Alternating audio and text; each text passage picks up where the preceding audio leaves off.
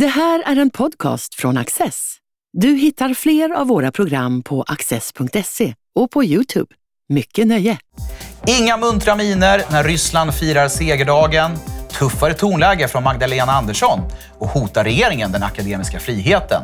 Det här är veckans ämnen i säsongsfinalen av panelen. Torbjörn Elensky, du är författare. Paula Bjeller Eriksson, du är fri debattör och krönikör i tidningen Alltinget. Och Erik Hörstadius, du är författare och journalist i tidningen Fokus. Varmt välkomna alla tre, säger jag till er. Tack så mycket. Kolonner av pansarvagnar, flyguppvisningar och tillresta dignitärer. Så är vi vana att se den ryska regimen fira 9 maj på Röda torget i Moskva. Eller segerdagen som den också kallas i Ryssland. Men i år var det ett betydligt mer nedtonat firande. Endast en ensam pansarvagn rullade förbi Vladimir Putin och inga flygplan syntes i luften. Budskapet från Kreml var dock oförändrat. Västvärlden bedriver ett krig mot Ryssland som inte vill ha något annat än fred. Men är det verkligen fred Putin vill ha, Erik Hörstadius? Ja, man talar ju om krigets dimma, fog of war. Och jag kan väl säga att jag följer inte jättenoga med vad som händer vid fronten. Det är, alla har intresse av att ljuga mer eller mindre. Sådär, va? Men fred vill han naturligtvis inte ha, i alla fall inte än. Ehm, när nu mycket talar för att Donald Trump blir Republikanernas presidentkandidat i USA och kommer ju verkligen, tror jag, försöka träda fram som antikrigspresident. Och kan jag faktiskt notera att han startade inga krig under sin, sin ämbetsperiod. Um, så att om Putin så att säga, håller, håller det här igång på lagom nivå så kan, så kan man kan tänka sig att han hoppas på en framförhandlad fred med en nyvald president Trump. Um, det är liksom ett sätt att se på det. Uh, ett annat sätt att se på det är naturligtvis att det här alltså, vi, tror, vi tror oss veta om Putin, att han, han är en, en, ett barn av Sovjetunionen som var ett imperium och det här är en, en kulle han kommer att dö på, så att säga. Det finns liksom inga som helst reträttmöjligheter, tror jag. Förutom då en riktigt, riktigt fin fredsuppgörelse i hans ögon där, där väst säger, eller USA säger, att inte på kartan att, att Ukraina kommer med i NATO. Whatsoever, så att säga.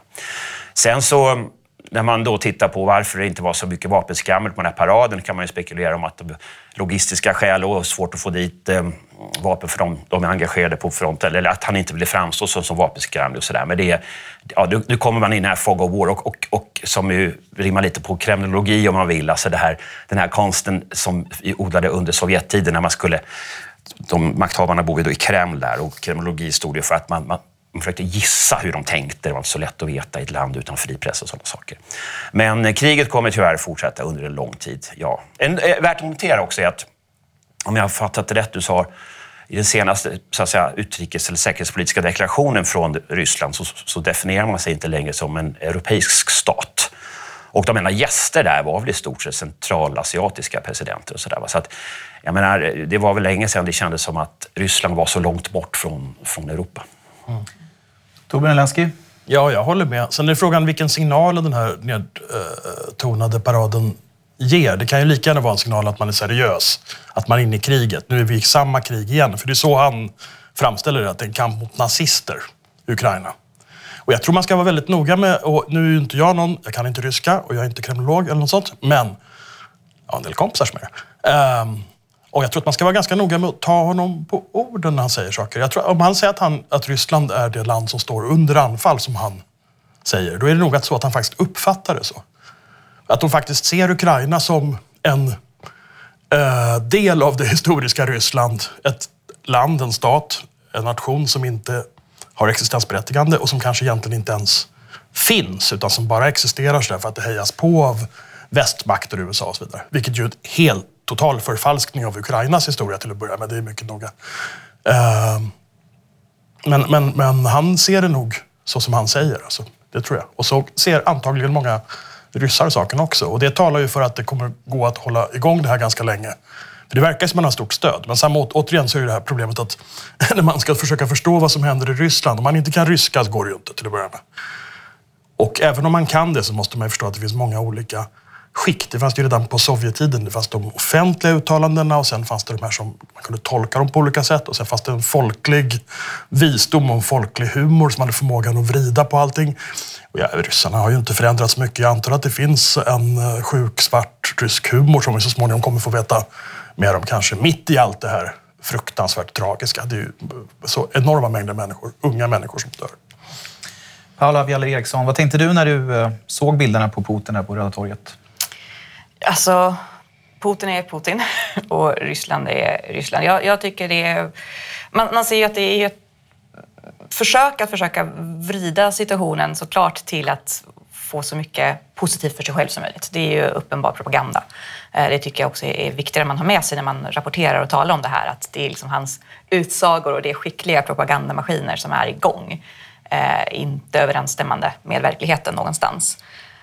Um, sen tycker jag det är intressant man faller lätt in i en, en eh, västerländsk bild av vad som sker. Och här pratas det om fred, om väst lovar fred, men då glömmer man liksom bort Ukraina. Det kommer inte kunna bli fred på extremt lång tid utan det att Putin och stora delar av Ryssland, eller egentligen det som fortfarande är kvar av Sovjet, faller vidare. För vi har liksom två existensfrågor här. Ukrainarna som slåss för sitt existensberättigande för sitt land och resterna av Sovjet, en union. Det är ju inte så att Ryssland är liksom en enhetlig nation, en stat, ett land så. Utan det är ju fortfarande massa folkrepubliker mm. som ingår mer eller mindre med tvång ibland i ett större imperium och som också gärna skulle bli fria om de såg att det gick. Eh, vilket ju gör den här frågan väldigt svår att backa från för Ryssland. För att om de släpper tillbaka Ukraina till det Ukraina som ska vara, om de släpper tillbaka till Krim, vilket kommer krävas för att Ukraina ska gå med på fred, ja men då vem vet vad som väntar då? Hur många fler länder står beredda att faktiskt slåss för sin egen självständighet och kräva den? Eh, så det här är ju någonting som man kan se under lång tid framöver och därför tycker jag att det är otroligt viktigt för väst att faktiskt stå upp för eh, de enskilda Ukraina nu, men även de som tidigare ingått i, i Sovjet och de folkrepubliker som vill bli fria nu, att stå upp för deras rätt att bli fria, självständiga stater och att faktiskt snarare ge mer stöd och säga att okej, okay, ni är inte med i NATO än, men vi vet att det här är en strid som kommer pågå och vi måste vara ja. med. Vi kommer ge er det stöd ni behöver. Och, och min enkla poäng var ju att Ukraina kan ju inte räkna med samma stöd från USA om Trump blir president igen. Nej. Det, det finns ju många, många stater i den ryska federationen, men de flesta, som jag förstår det, har antingen en majoritet av ryskspråkiga invånare eller en väldigt så pass stor andel att det är svårt att tänka sig att de skulle kunna bryta sig loss. Så det, det, det, liksom, det, är inte så enkelt som det var i fallet med de baltiska staterna. Och även där var det ju på gränsen med väldigt stora ryska minoriteter. Det handlar ju från Rysslands sida om många hundra år av klassisk imperialistisk mm. politik. Man har flyttat in, så att säga, sitt eget folk i erövrade områden systematiskt. Det finns stora ryska minoriteter även i de centralasiatiska republikerna, men inte tillräckligt stora för att de skulle kunna fortsätta höra till Ryssland, så att säga. Absolut, men det är liksom på kort sikt. Ja, ja. Men det finns ju dels inte alla områden. Det finns ju vissa stater som vill redan nu har en större beredskap för att försöka slå sig fria. Plus att möjligheten på sikt att fler och fler ja, det, det, det, är möjligt, det är möjligt men det handlar liksom, jättemycket, det handlar jättemycket om mm. ekonomiska förhållanden och allt sånt där också. Vi har ju, oh, ja. Även i Västeuropa har vi Skottland och Katalonien som är rätt välmående regioner med, så att säga, där det, ur, den lokala befolkningen så att säga, dominerar fortfarande. Men det är inte så himla lätt att bryta sig ur när man har så mycket som är sammankopplat på så många sätt. Men vi får väl se, vi får väl se. Ingen vet ju vad som händer. Jag tycker det är intressant kriget kommer fortsätta i många herrans år, tror jag. Det är fruktansvärt och, och jag tycker det är intressant hur Putin också gör det här till kulturkrig. Han är ju, I senaste här talet då, eh, på paraden, då tog han upp om hur det finns krafter i väst som underminerar familjen och sådana saker. Och han, han, han hämtar ju energi från alltså, de värsta woke-tokerierna i, i, liksom i, i de liberala demokratierna i väst. Och därmed kan han väl försöka liksom bygga ett stöd, dels kanske in hos oss i väst, för folk som tycker att, att, att och inte minst i USA, att woke och vänsterliberala progressiva värderingar tar för stor plats. Och också till andra delar i världen. De tycker att vi är lite kokobello i de frågorna. Eh. Både, både Ryssland och Kina underblåser ju det här kulturkriget, som kallar det så, på båda sidor. Eh, på ett sätt som är helt vansinnigt och som knappt syns i debatten här heller. Det borde lyftas mer. Så man fattar att det inte kanske riktigt så allvarliga frågor som en del vill göra det till ibland. Vi ska alldeles strax gå vidare, men jag tänkte höra panelen Torbjörn, du nämnde ju historien. Hur, viktigt är, hur viktig är kontrollen av historieskrivningen för den ryska regimen? Extremt viktig. Extremt viktig. Och det är därför det är viktigt också att vi i andra delar av Europa lär oss lite mer om den här historien och förstår, i fallet Ukraina exempelvis, hur det här landet har uppstått, under vilka olika typer av överhöghet har befunnit sig under århundraden, under polsk-litauiska väldet, under habsburgare respektive ryssar. Eh, och hur stor del av det som faktiskt var ottomanskt rätt långt fram i tiden. Även Krim erövrades ju från turkarna, ottomanerna, eh, så sent som på 1700-talet om jag inte minns fel nu. Av då, på den tiden, ryska tsarer. Det är extremt komplicerad och uppblandad historia liksom, med många olika etniciteter och gränser som dessutom har förskjutits extremt mycket. Efter andra världskriget flyttades ju Ukrainas gräns långt till väster och enorma mängder tyskar fördrevs. Absolut. Visst förståeligt i det fallet, men även polacker fördrevs ju så att säga från västra Ukraina i stor mängd.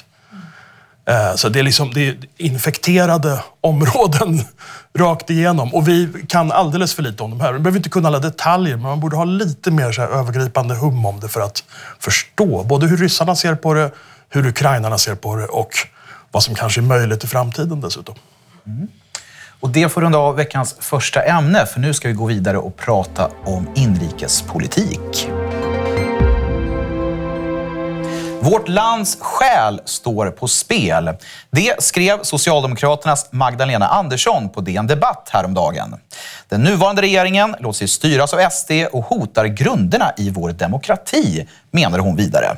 I söndagens partiledardebatt eh, var tonläget fortsatt högt och kritiker menar att Socialdemokraterna dömer ut den nuvarande regeringen som illegitim. Det här är ett nytt tonläge som vi inte hört tidigare i Sverige, vågar jag nog påstå. Och jag tänkte börja med att fråga dig, Torbjörn Elensky. Finns det fog för Socialdemokraternas skarpa ordval? Eh, jag tycker inte det gör det, men det tycker man väl om man är på andra sidan då antar jag. Jag skulle säga att det är väldigt, väldigt allvarligt. Jag har hört, den här retoriken har funnits länge. Den har funnits i flera år. Det är absolut inget nytt.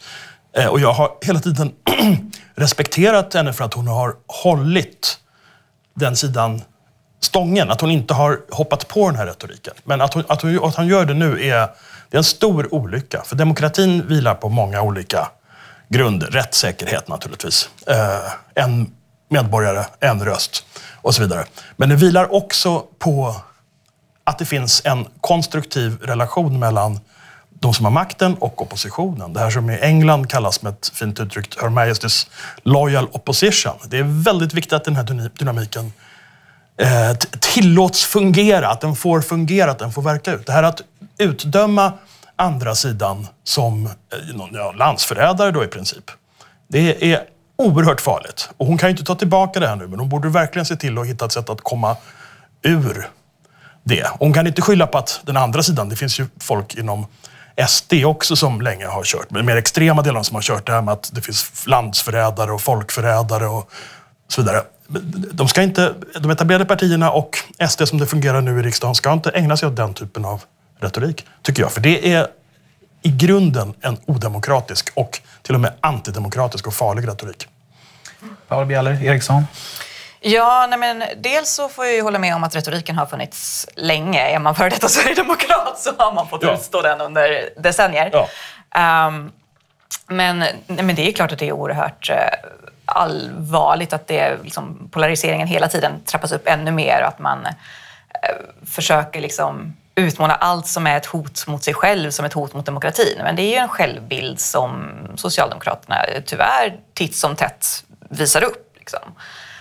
Um, och jag måste säga att jag har fått omvärdera min bild av Magdalena Andersson en hel del innan valet och, och några år tidigare också innan hon tog över partiet. Så såg jag under en lång tid henne som en väldigt skicklig retoriker, som en potentiell landsmoder. Hon hade den auran, hon var seriös och liksom helt annan slags partiledare än vad Stefan Löfven var.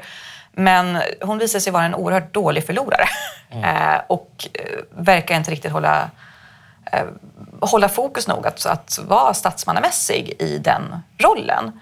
Ehm, och det är tragiskt. Det är i sig farligt för demokratin på ett sätt. För att om vi liksom vulgariserar debatten vidare på det sättet så det är då demokratin hotas. För det är då man inte längre har ett fritt samtal, respekterar varandra och, och kan fatta beslut som grundar sig i att man har värderat alla alternativ. Utan då blir besluten istället grundade i rädsla eller liksom, vem kan, hur kan man snabbast vinna flest väljare? Mycket mer populism.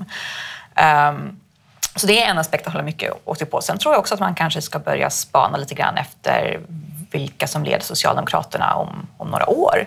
Jag noterade, liksom en av de här sakerna hon högg på, det var ju att Ebba Busch var på semester. Eh, och då tyckte jag det var lite intressant att notera att två ganska profilerade socialdemokrater faktiskt i princip markerade hårt mot Magdalena Andersson. Både Ardalan Shekarabi och Annika Strandhäll twittrade till Bush försvar att man ska liksom Eh, man vet inte varför hon är ledig nu om man ska respektera sina motståndare. Så jag har liksom börjat göra lite sådana spaningar nu eh, när läget trappas upp som det är. I viss, I viss mån kan man kalla det här för klassisk brunsmetning och det var ju Socialdemokraterna ganska ja, utförde med viss framgång på den tiden som de borgerliga partierna inte ville ha något med Sverigedemokraterna att göra. Då försökte man upprätta en rågång mellan eh, ja, allianspartierna och Sverigedemokraterna och lyckades så länge bra med det man kallar för fascister och rasister och så vidare. Nu har ju Socialdemokraterna i princip tagit över den sverigedemokratiska, påstått rasistiska och fascistiska synen på migration. Det vill säga, en välfärdsstat måste ha en ganska kontrollerad och tajt migration. Så då får man ju rikta in de här fascism och rasismanklagelserna eh, åt andra håll. Och då handlar det om sånt som utnämningar till universitetsstyrelse. Det handlar om, om en Sverigepolitik, sverigedemokratisk politiker i någon kommun har synpunkter på eh, drag queens, sagoläsning för barn och sådana saker. Och det där togs ju upp i partiledardebatten i söndags. De pratade ganska länge om det där. Alltså från... Man brukar prata om armlängds avstånd, att politikerna ska ta fram så att säga, resurser för kulturarbetare och sen inte lägga sig i så mycket av vad de gör. Och då om något bibliotek eller vad det här var bjöd in då drag eh, queens för att läsa sagor för barn, då ska, de, då ska politikerna inte peta. Och det, den här armlängdsprincipen, den är, ja, men det är en, jag tror jag, princip man kan omfatta allihop, för vi vill inte ha för klåfingriga politiker. Men samtidigt, politiker är representanter för oss skattebetalare och medborgare. Och, det, och, vi kan ju inte så att säga, finansiera vad som helst. Är det, är det så att säga, illegitimt för politiker, i det här fallet sverigedemokratiska politiker, att ha synpunkter på ja, drag queen-läsning, för det låter så löjligt exempel, men Jimmie Åkesson försökte ta ett, ex, ett annat exempel i debatten när han bollade med Märta Stenevi då från Miljöpartiet. Att om en nazist kommer in och läser sagor, är det okej? Okay? Eh, och så. Det vill säga, ska politiker kunna ha åsikter om de kulturbudgetar de, de eh, fattar beslut om?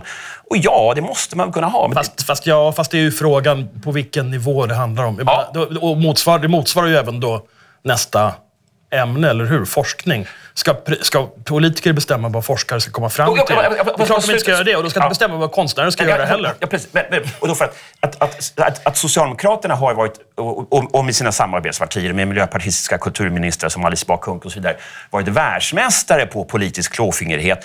Filminstitutet till exempel då kunde bara finansiera filmer med, alltså med vissa perspektiv och klimatperspektiv och jämställdhetsperspektiv och hbtq-perspektiv och det skulle vara kvinnliga regissörer och producenter och så vidare.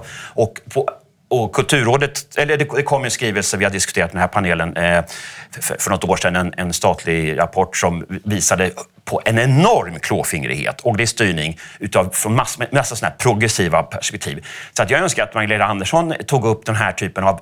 Alltså, att vänstern tog upp den här klåfingrigheten visavi kulturen och utnämningsmakten vilka, vilka tjänstemän har vi på myndigheter? Om vi ska tala om den djupa staten i Sverige vilket det är inte självklart att vi ska, men, men då ska. är det ju väldigt socialdemokratiskt dominerad. Ja, det är det som är... Det är det, förlåt, förlåt mig, jag ska inte... men det är det som är det, det, är det, som är det spännande liksom, problemet bakom det här. Alla borgerliga regeringar, och vid alla borgerliga regeringsskiften sedan 1976, eller hur? Eh, så har det varit problem med det här att tjänstemännen är i förhållandevis hög grad politiserade. Generaldirektörer, landshövdingar, liksom det är, finns en socialdemokratisk dominans. Naturligtvis efter så många decennier av maktinnehav.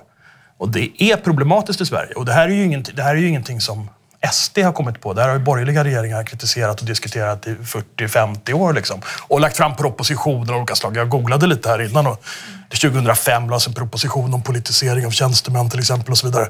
Det, det är ett problem som diskuterats länge. Det är ingenting som har kommit på nu.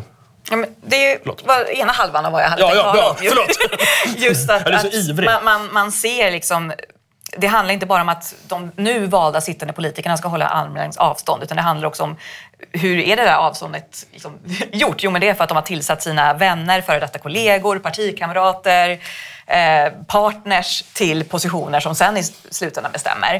Eh, den andra halvan tänkte jag också ta lite grann om, det har ju även lyft fram det här med lotterierna, att partilotterierna ska tas bort och det är ett hot för att siktet tydligt är inriktat på Socialdemokraternas finansiering. Eh, och det, jag kan absolut tycka att det hade varit snyggare om man kanske i opposition hade passat på att, när man hade majoritet för det, om man kunde få majoritet för att nu stryker vi den möjligheten. Men samtidigt så tycker jag det är intressant för att om man allting har ju fler sidor. Det pekar ju också på den möjlighet som faktiskt finns och hur insyltat det är. Många saker där vi inte vet om att man stöttar Socialdemokraterna gör man. Vi har lotterierna, eh, vi har diverse olika liksom, föreningar som det ska vara självklart att man ska vara med i. Eh, Hyresgästföreningen tror liksom de flesta man bör vara med i och tänker kanske inte direkt på att det är kopplat till Socialdemokraterna. Att alla som är hyresgäster, även om de inte är med, betalar till Socialdemokraterna genom hyressättningsavgift som går till Hyresgästföreningen, vet man inte heller om.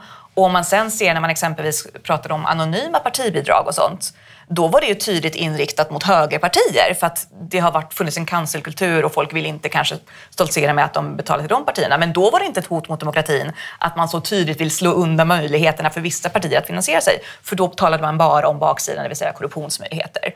Eh, så att viss balans och att se liksom helheten och nyansera det hela hade varit önskvärt, men saknas ju uppenbart totalt. Man kan ju tänka på, jag tror var Marita Ulvskog, Ulvskog alltså under en lång tid framstående socialdemokrat, som sa hon inte hon i samband med sossarnas valförlust 1976 att det här, Det känns som, en, ja, det här känns som en statskupp. Jag tänkte på det också, ja. Sossarna äger, I Sverige tänker vi att sossarna äger staten, eller vi tänkte länge så i alla fall. Och det här känns som en reflex av det, när Magdalena Ander- Andersson kör det här kort. Men det är också så här... hon vill- Slutord, hon, ja, hon, vill, ju- hon vill ju helt enkelt att eh, skrämma, skrämma mittenväljare från Tidöpartierna till någon, någon mittenkonstruktion. Och det gör man då, har man valt genom att brunsmeta så att det ska, det ska kännas för stinkande att, att ge Kristersson regering nytt förtroende i nästa val. Ja, det blir slutord för nu måste vi hasta vidare och prata om universiteten.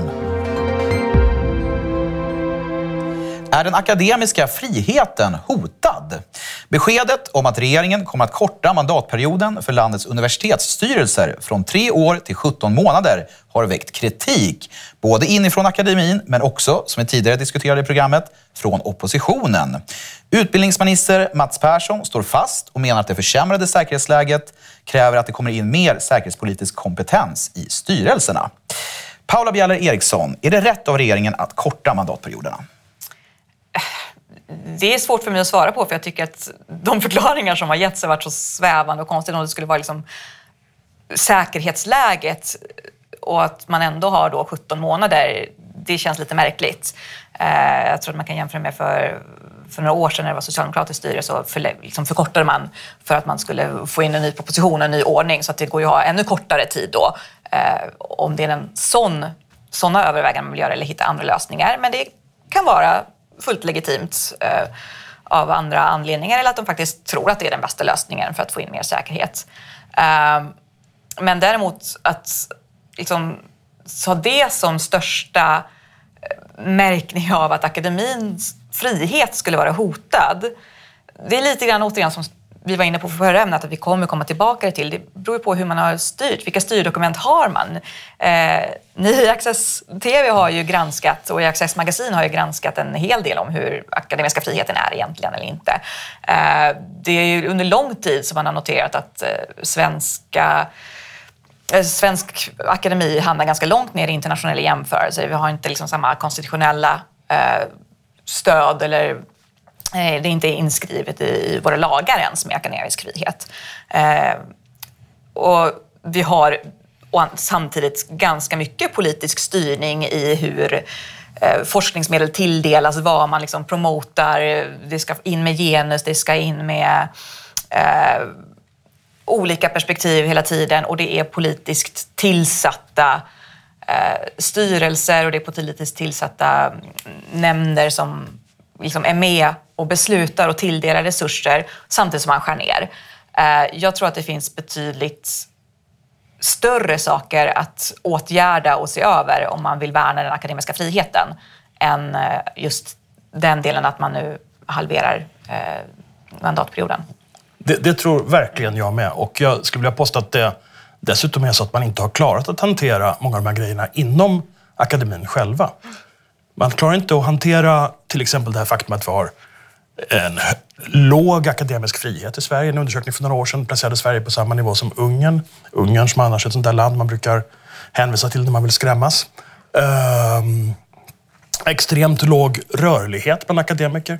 Svenska akademiker kan fortsätta i princip hela karriären vid samma lärosäte på samma institution och de producerar ju somliga av dem, även med fina titlar, producerar inte särskilt mycket som är av intresse. Framförallt inte internationellt, men över, överhuvudtaget ibland publicerar de förbluffande lite med tanke på vilka positioner de har och vilka roller de tar sig i offentligheten också, en del av dem. Um, det här med akademiska friheten inte var garanterad. Det var, jag, tror, jag vet inte om det var 2021 tror jag det kom en lag om att den skulle garanteras. Mm. Frågan är exakt hur det skulle gå till då, det vet jag inte. Men då kom ju också en ny forskningsproposition samma år där man gav mer pengar, vilket alla blir glada över. Alla blir glada om de får mer pengar. Men där man också, som jag förstår enligt vissa tolkningar i alla fall, eh, stärkte kontrollen av det här med jämställdhet och genus och inkludering och allt sånt där. Det är de här sakerna, och värdegrund och så vidare. De här sakerna, det finns ju mycket i det där som är väldigt bra. I princip. Men man vill hela tiden styra och komma in. Och jag skulle vilja påstå att det finns ett element här av att både politiker och tjänstemän, de vill ha makt och de vill ha kontroll, men de vill också ha arbete när de hittar på olika typer av granskningssystem och sånt där och nya överrockar över överrockarna så ger de sig själva uppdrag som garanterar att de kommer ha någonting att jobba med under år efter år efter år. Jag har ingen aning om det är bra eller dåligt att förkorta den här äh, mandattiden för styrelserna. Jag kan inte inse att det skulle vara ett jättestort mm. problem. Det, är väl, det ska väl ändå vara kompetenta personer som tillsätts och de ska väl ändå ha universitetens bästa för ögonen. Och, by the way, det finns för många universitet i Sverige. Men det är en annan sak. Bara jättekort, det är viktigt att det, är också en engångsförkortning. Det är liksom inte ja. permanent att men nu ska vi ha 17 månader så vi kan byta ut vart efter vi vill om de inte lyder oss politiskt. Liksom. Bra eller dåligt, Erik Hörsadius? Ja, nej, men det med styrelserna är svårt att... Jag tycker, som du Paula, att, att, jag tycker inte de har förklarat det jättebra. För när det gäller säkerhetsexperter, det kommer kinesiska doktorander som är svenska universitet och så visar sig de, de liksom jobbar för kinesiska regimen. Och, mm. där, och då kan man väl... Det kanske inte är kortare mandatperioder för styrelsen som är lösningen på det problemet. Det ska komma in en säkerhetsexpertis. Mm. Men akademisk frihet är ett stort ord. Det är, väldigt, jag menar, det är något vi, vi, vi vill ha det och så vidare. Och vi talar, vi talar om väldigt olika saker här. Alltså, under det paraplyet finns det olika saker. Dels finns det det konstitutionella eller ett lag. Alltså, hur ser det ut i lagen? Och, och svenska universitet har ju då en ganska så myndighetsliknande ställning i det svenska samhället.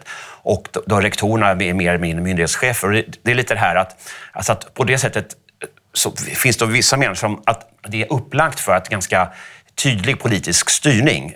Man har, man, man har, det är krångliga saker här, men man har inte i, i lagarna egentligen särskilt alltså tagit hand om, om just universitetets oberoende från makten. Utan det, det, det tycks vara, gå in och peta ganska mycket, men det är alltså det legala. Sen har vi kulturen på universiteten, akademin och så vidare.